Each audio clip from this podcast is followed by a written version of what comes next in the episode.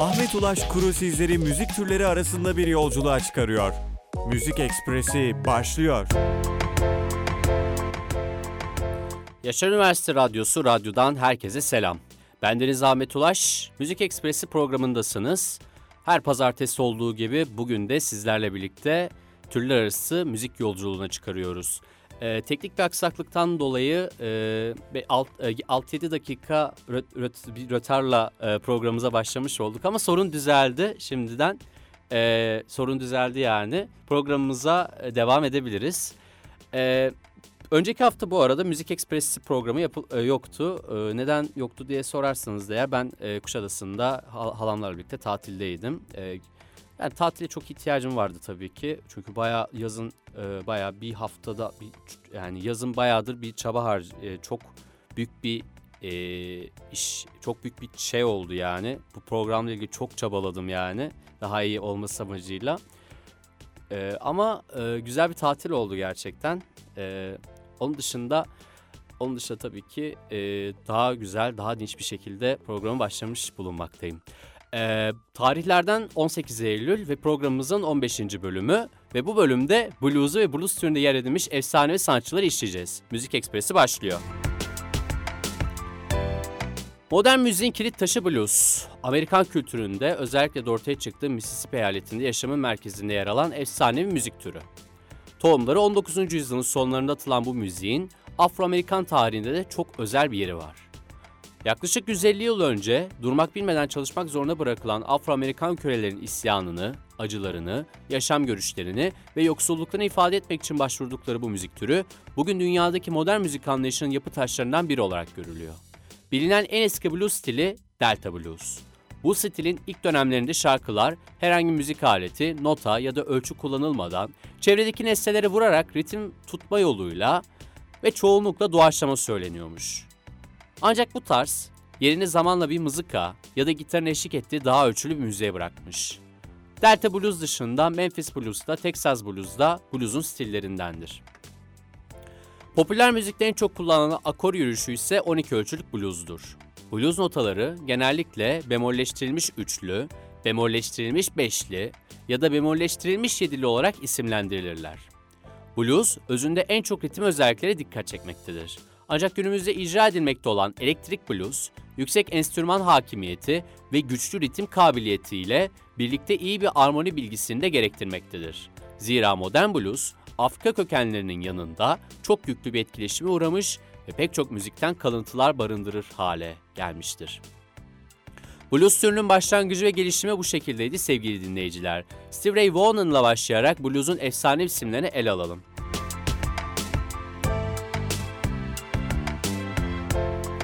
Vaughan 3 Ekim 1954 yılında Dallas, Teksas'ta doğmuştur. 14 yaşında Dallas'ın çeşitli blues kulüplerinde çalmıştır. 1978 yılında kurulan blues rock grubu Double Trouble'ın gitarist ve vokalisti oldu. Bas gitariste Tommy Shannon ve bateriste Chris Layton yer alıyordu. 1982 yılında New York'ta özel bir gecede The Rolling Stones'la sahne aldıktan sonra grubun ismi yavaş yavaş duyulmaya başlamıştır. Onlara gülen şans merdiven şeklindeydi. Bunun ilk göstergesi Montreux Jazz Festivali'ne davet edilmeleriydi belki de. Şans bu ya, festival sırasında onları izleyen Mick Jagger, Ray'i Let's Dance kayıtlarına katılım teklifiyle onurlandırdı. Texas Flood albümü Jackson Brown'un yarattığı bu fırsata müthiş bir değerlendirmesiydi ve Steve Ray Vaughan'la Double Trouble'ın ilk albümüydü. 13 Haziran 1983'te sunulan çalışma en iyi geleneksel blues kaydı ve en iyi enstrümantal rock performansı kategorilerinde Grammy adayı oldu. Austin Still Limits adlı televizyon şovunda da boy gösteren topluluk, Guitar, Guitar Player dergisinde yayınlanan okuyucu anketinde en iyi yeni yetenek, en iyi blues albümü ve en iyi blues elektro gitaristi kategorilerinde birinci oldu. Steve Ray, Guitar Player ödüllerinde 1991'e kadar istisnasız her yıl en iyi elektro gitarist ünvanını aldı. 15 Mayıs 1984'te Couldn't Stand the Weather albümü piyasaya çıktı. Albümde yer alan Voodoo Child, Slight Return'un en iyi rock enstrümantal performansı kategorisinde aday gösterdiği 84 Grammy'sinde en iyi geleneksel blues kaydı dalının zirvesinde önceki albümü olarak da Texas Flood'da Steve Ray vardı. Ee, klavyeci Reese Winans da Double Trouble'a katılmasıyla 3. albümün olan Soul to Soul'u kaydettiler. 30 Eylül 1985'te sunulan çalışma Steve Ray'e 5. Grammy adaylığını kazandırdı. 86'da babasını kaybettikten sonra uyuşturucu kullanmaya başladı. Yüksek dozun etkisiyle midesi zarar gördü. Bu sebepten ötürü tam 21 konser ertelendi ve Ray Londra Uyuşturucu Rehabilitasyon Merkezi'nde tedavi altına alındı. 86'nın 15 Kasım tarihinde Live Alive satışa sunuldu. Eric Clapton, Phil Collins, B.B. King gibi isimlerle birlikte sahne aldığı Blues Session'dan bir yıl sonra MTV'nin özel programında yer aldı. 1989'un Ocak ayında Washington'a ufak bir düğün salonunda bir performans sergilediler. Ardından 6 Haziran'da In Step albüm yayınlandı. Bu, Steve'in uyuşturucudan tümüyle uzaklaştıktan sonra gerçekleştirdiği ilk kayıttı. Crossfire'ın radyo listelerine zirveye yerleşmesinin ardından sanatçı en iyi çağdaş blues kaydı dalında bir Grammy daha layık görüldü. 30 Ocak 1990'da Steve, Stevie MTV Unplugged için 3 performans sergiledi. Stevie ve Jimmy Family Style kaydetmek üzere Mart ve Nisan ayında Memphis'e gittiler. Birkaç ay sonra albüm raflardaki yerini aldı. Joe Cocker'la gerçekleştirdikleri turnenin ardından Alpin Valley'de Double Trouble'la bir konser daha verdiler. Robert Clay, Eric Clapton, Buddy Guy gibi isimlerin katıldığı coşku dolu etkinlikten sonra Steve Ray, Eric Clapton'ın 3 tur yardımcısıyla birlikte Chicago'ya gitmek üzere helikoptere bindi. 27 Ağustos 1990 gece yarısı Siste Kaplı Tepe'ye çarpan helikopter parçalandı. Steve Ray Vaughan'ın helikopter kazası sonucunda hayatını kaybetti. 36 yıllık ömrünü müziğe adayan Steve Ray Vaughan'ın Laurel Land mezarlığında özel bir törenle yakıldı. Ve şimdi 1983 yılına uzanıyoruz. Texas Flood albümünün parçalarına Pride and Joy şimdi radyonuzda.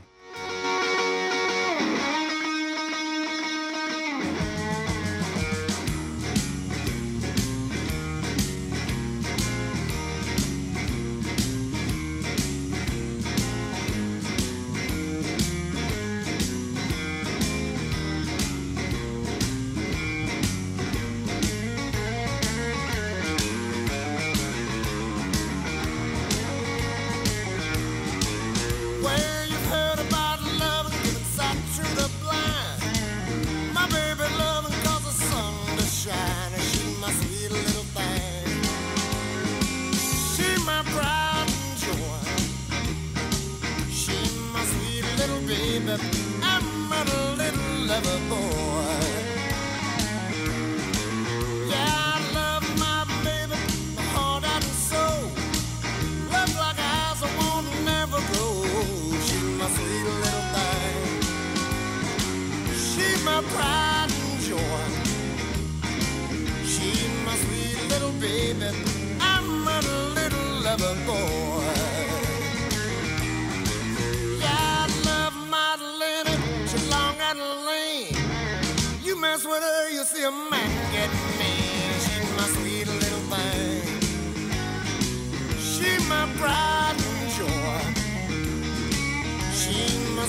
little baby. I'm a little lover boy.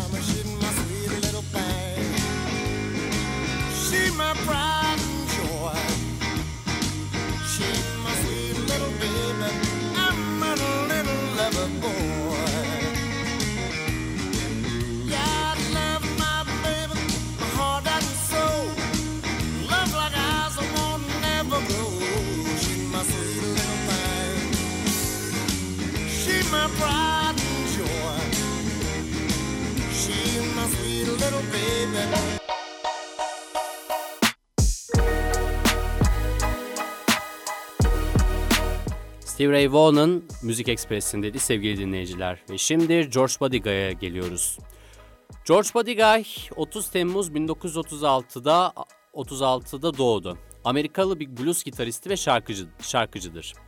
Chicago Blues'un bir temsilcisidir ve Eric Clapton, Jimi Hendrix, Jimmy Page, Kate Richards, Steve Ray Vaughan, Jeff Beck, Gary Clark Jr. ve John Mayer gibi birçok gitaristi etkilemiştir. 1950'lerin ortalarında Guy Baton Rock'taki gruplarla sahne almaya başladı. Bunlar arasında Big Baba Tilly ve Ruffle Neal'la da yer aldı. Orada yaşarken Louisiana State University'de temizlikçi olarak çalıştı. 1957 yılında S Records için Baton Rock'taki bir yerel DJ için iki demo kaydetti. Ancak o zamanlar yayınlanmadı. 1960'larda Guy, Muddy Waters ile Chess Records'ta bir oturum gitarist olarak çaldı ve blues harp virtüözörü Junior Wells ile müzikal bir ortaklık başlattı. Guy'ın erken kariyeri 1959-1968 yılları arasında kayıt şirketi Chess Records tarafından engellendi. Şirket, Guy'ın canlı performanslarının yeni tarzında kayıt yapmayı reddetti. Chess Records'u kurucusu Leonard Chess, Guy'ın çalmasını sadece gürültü yapmak olarak nitelendirdi.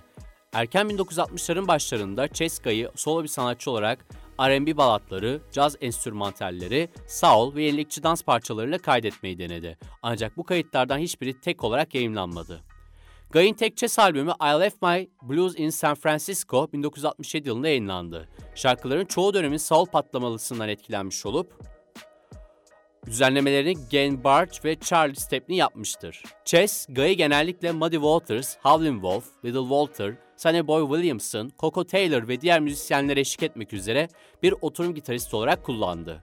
Guy, 1967'ye kadar gece kulüplerine çalarken çekici şoför olarak çalıştı.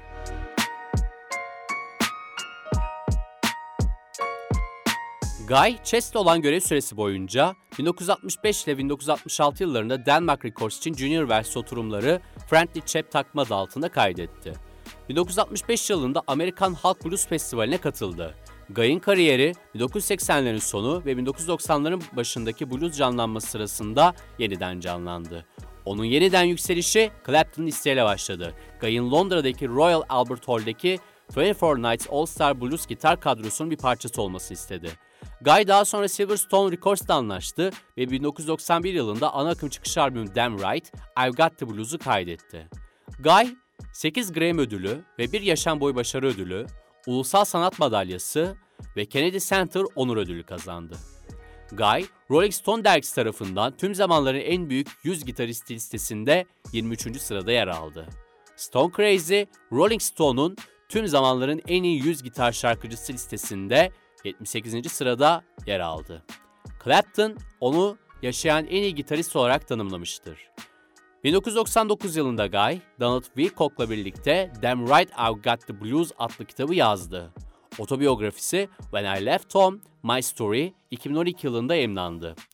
1993 yılında yayımladığı aynı isme sahip albümünden bir şarkı. Geri vokal geri vokalde Bonnie Raitt bulunuyor ve Body Guy'dan Feels Like Rain şimdi Müzik Ekspresi'nde.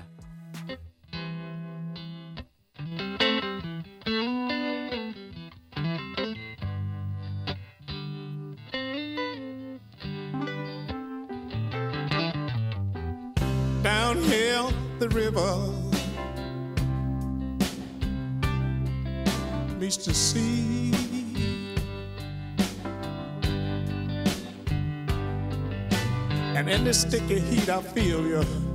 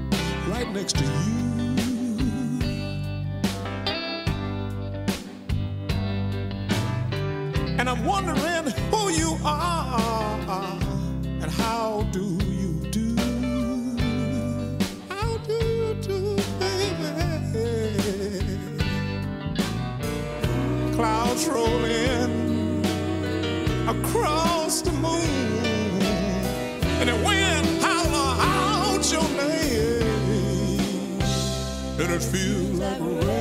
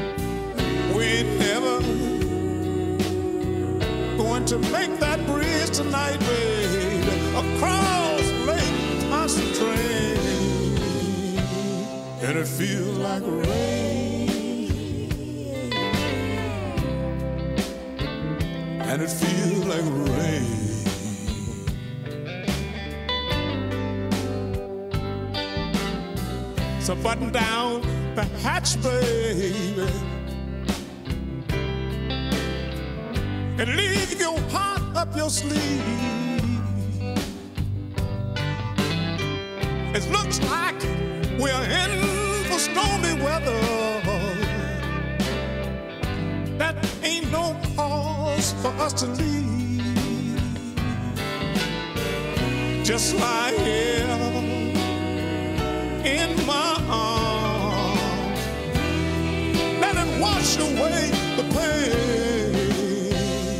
it feels like a rain,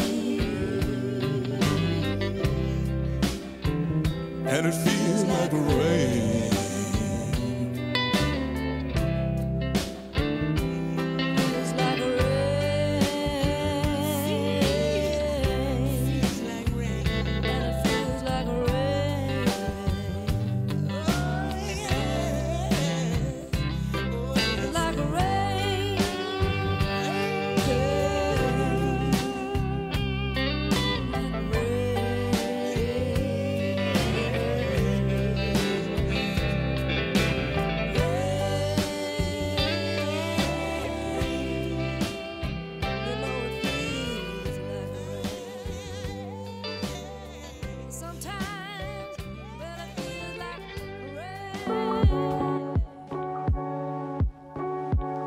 Feyza Crane ile Buddy Guy Müzik Ekspresi'ndeydi. Gayet güzel bir parça gerçekten.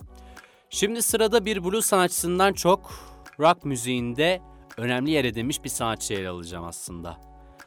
Rock müziği tarihinin en büyük çalgıcısı ve kendi rock kültürü ikonuna sahip bir efsane. İşte bu dünyada bir Jimi Hendrix geçti. J- Marsh- James Marshall Hendrix ya da sahne adıyla bildiğimiz Jimi Hendrix. 27 Kasım 1942'de Seattle'da doğdu. Ah, aynı günde doğmuş. Aynı günde doğmuşuz gerçekten. Ben, benim de doğum günüm de 27 Kasım bu arada. İlk başta Johnny Allen Hendrix olan ismi daha sonra ailesi tarafından James Marshall Hendrix olarak değiştirildi. Para ve ilgiden uzak olarak büyüdü. Annesiyle babası daha 9 yaşındayken boşanmışlardı. Annesi o 16 yaşındayken vefat etti. Hendrix yaklaşık 14 yaşlarındayken gitarla tanıştı. Bu gitar başka bir çocuk tarafından atılmış teli kopuk eski bir gitardı. Buna rağmen bu gitarla bazı şarkıları çalmaya başardı. 15 yaşlarındayken babasının bir arkadaşından 5 dolara bir akustik gitar aldı. İlk elektro gitarı babası Al Hendrix tarafından alınan beyaz bir Supra Ozark'tı. Hendrix ders almadı fakat Chuck Berry ve Elvis Presley gibi sanatçıları izleyerek onların şarkıları onların şarkılarını çaldı ve kendiliğinden bazı basit notaları buldu. O elektro gitarı amplifikatör yani amfi kullanmadan çalışıyordu. Hendrix ortaokulu bitirmiş fakat Garfield Lisesi'nden mezun olamamıştır. 1960 yıllarda gazetecilere verdiği şu demeç resmen ABD'nin utancını da ortaya çıkarıyordu. İnsanlar orada ırkçıydılar. Ben başarısız oldum. Çünkü siyahtım.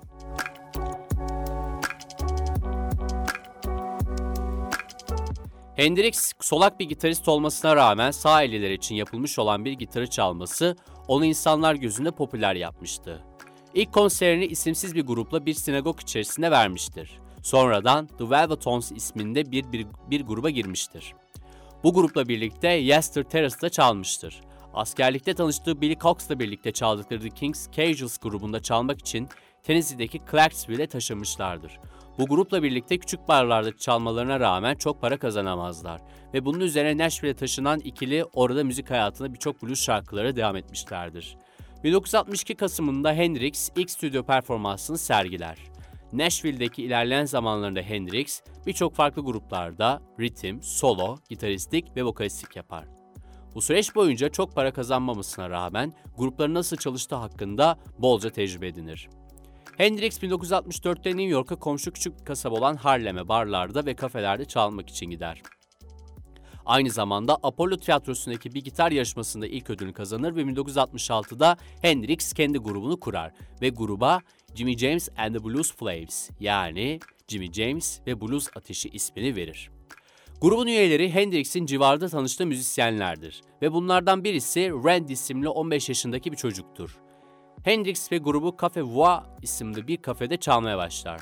Hendrix şanslıdır ve 1966'da The Rolling Stones'un gitaristi Kate Richards'ın kı- kız arkadaşı Linda Kate ile tanışır. Hendrix'in müziğini seven Kate, onu The Animals'ın menajeriyle tanıştırır. Menajer Chess Chandler ona Hey Joe isimli yerel bir şarkının rock versiyonu yapmasını söyler ve sonra onunla İngiltere'de bir kontrat imzalar. Jimi Hendrix artık yeni bir albüm yapacaktır ve ona The Jimi Hendrix Experience yani Jimi Hendrix deneyimi ismini verir. Are You Experienced yani deneyimli misin? Bu Hendrix'in ilk albümü. 1967 yılında piyasaya çıkartmıştır Hendrix. Albüm piyasaya çıktıktan kısa bir süre sonra Hendrix tüm İngiltere'yi ve Avrupa'nın büyük bir kısmını dolaşır ve 4 Haziran 1967'de Hendrix İngiltere'de Amerika'ya gitmeden önceki son konserini verir. Amerika'da onun Paul McCartney, George Harrison, Eric Clapton, Jack Bruce ve Brian Epstein dahil birçok ünlü onu izlemeye gelmiştir. Albüm İngiltere müzik sıralamalarında ikinci sıraya gelir. 2001 yılında ise gelmiş geçmiş en iyi 5. albüm seçilir. Rolling Stone dergisi ise albümü 2003 yılında yapılan en iyi 500 albüm sıralamasında 15. sıraya koyar. Electric Ladyland Hendrix 1968'de 3. albümde bitirmişti. Electric Ladyland. O sene Hendrix'in menajeri Chess Chandler, Hendrix'e yollarını ayırmaya karar verir. Chandler'dan sonra Hendrix, müziğindeki her şeyi değiştirdi. Farklı müzisyenler ve enstrümanlar kullanmaya başladı. Gitarlar, flütler, trombonlar, hepsini farklı sesler elde etmek için distortion'la distortion'la kullanmaya başladı. Albüm Amerika'da birinci sıraya gelirken İngiltere'de 5. sıraya geldi. 2003 yılında VH1 albümü en iyi 72, Rolling Stone dergisi ise en iyi 54. albüm olarak belirledi. 18 Eylül 1977'de 70'te Londra'daki Semerkant Oteli'nin zemin katında ölü bulundu. Aşırı içki ve uyku hapından öldüğü düşünülüyor. Baygın halde kusmuş ve kusmuyla boğulmuştur. Menajeri tarafından her 10 yılda bir anısına konserler düzenlenmektedir. Are You Experienced albümünden Red House tam bir rock ve blues'un harmanı. Radyonuzun sesini biraz daha açın, emin olun şarkının gitar çalışını kesinlikle bayılacaksınız. Red House, bir Jimi Hendrix parçası şimdi radyonuzda. Thank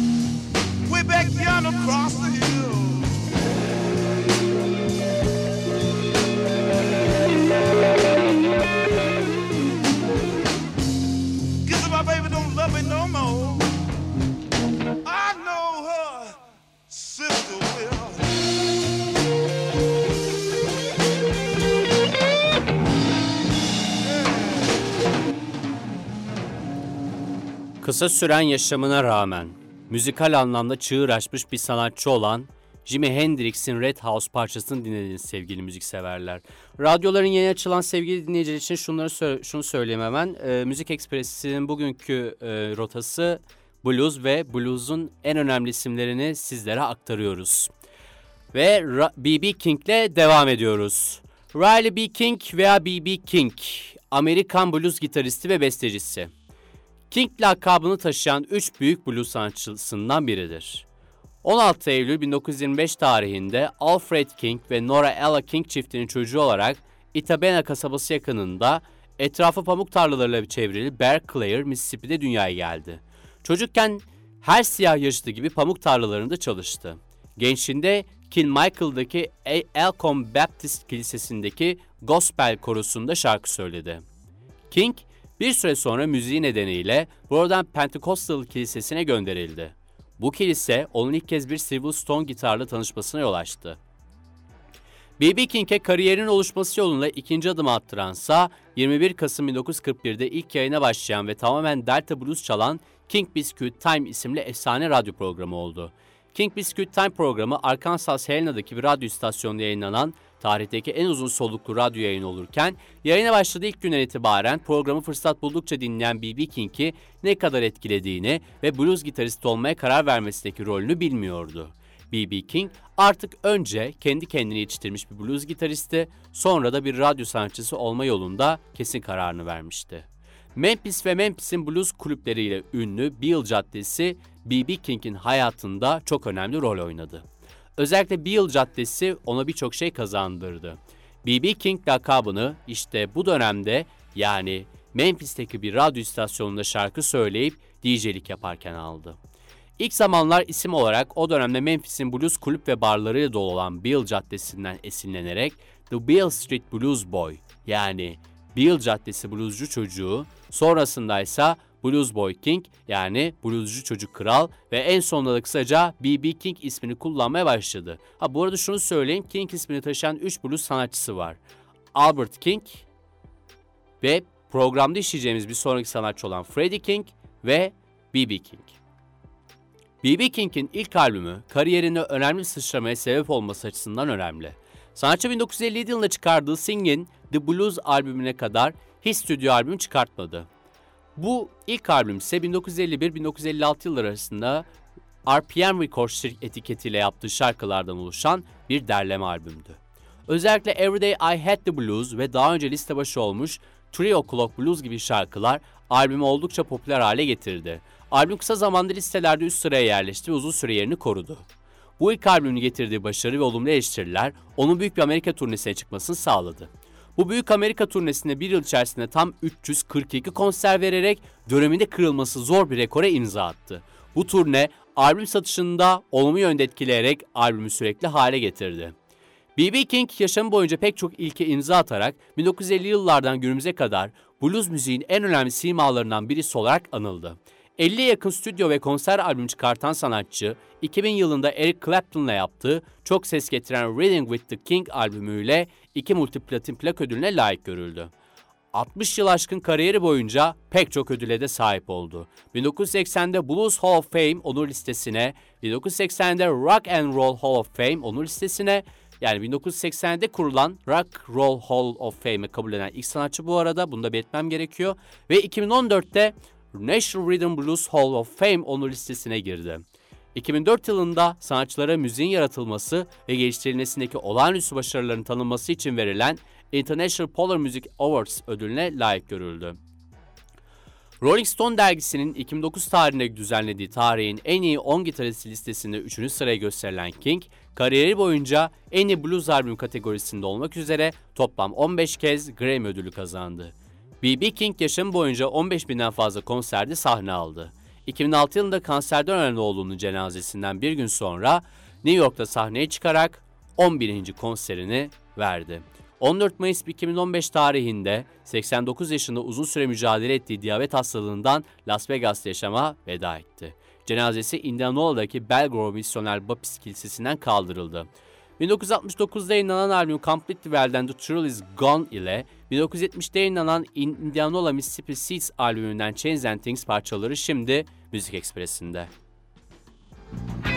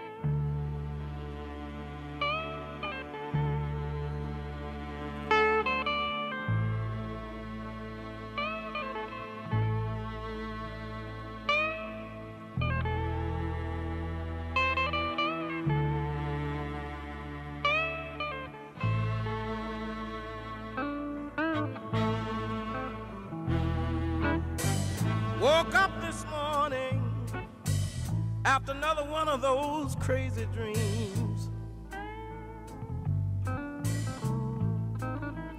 Oh, nothing is going right this morning. The whole world is wrong, it seems. Oh, I guess it's the chains that bind me. I can't shake or lose these chains and things.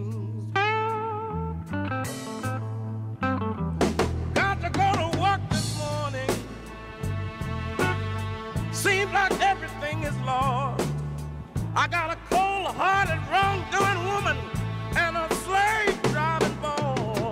I can't lose these chains that bind me.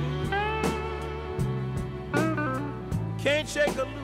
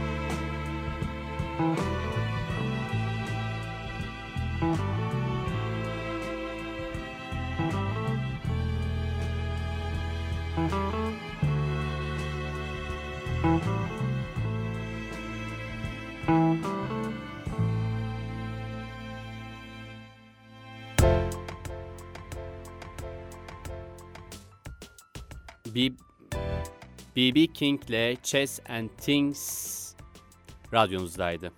Ve son sanatçımızsa Freddie King. Freddie King 3 Eylül 1934, 28 Aralık 1976, e, 3 Eylül 1934 tarihinde doğdu. Kendisi etkili bir Afro-Amerikan blues gitaristi ve şarkıcısıdır. 3 Eylül 1934 tarihinde Texas'ın Gilmer şehrinde dünyaya geldi. Doğum adı Frederick Christian olan şarkıcı esasen Freddie King olarak kayda geçirildi ve lakabı Texas Cannonball idi. Albert King ve B.B. King ile beraber elektrik blues gitarın üç kralından biri olarak sık sık anılmaktadır.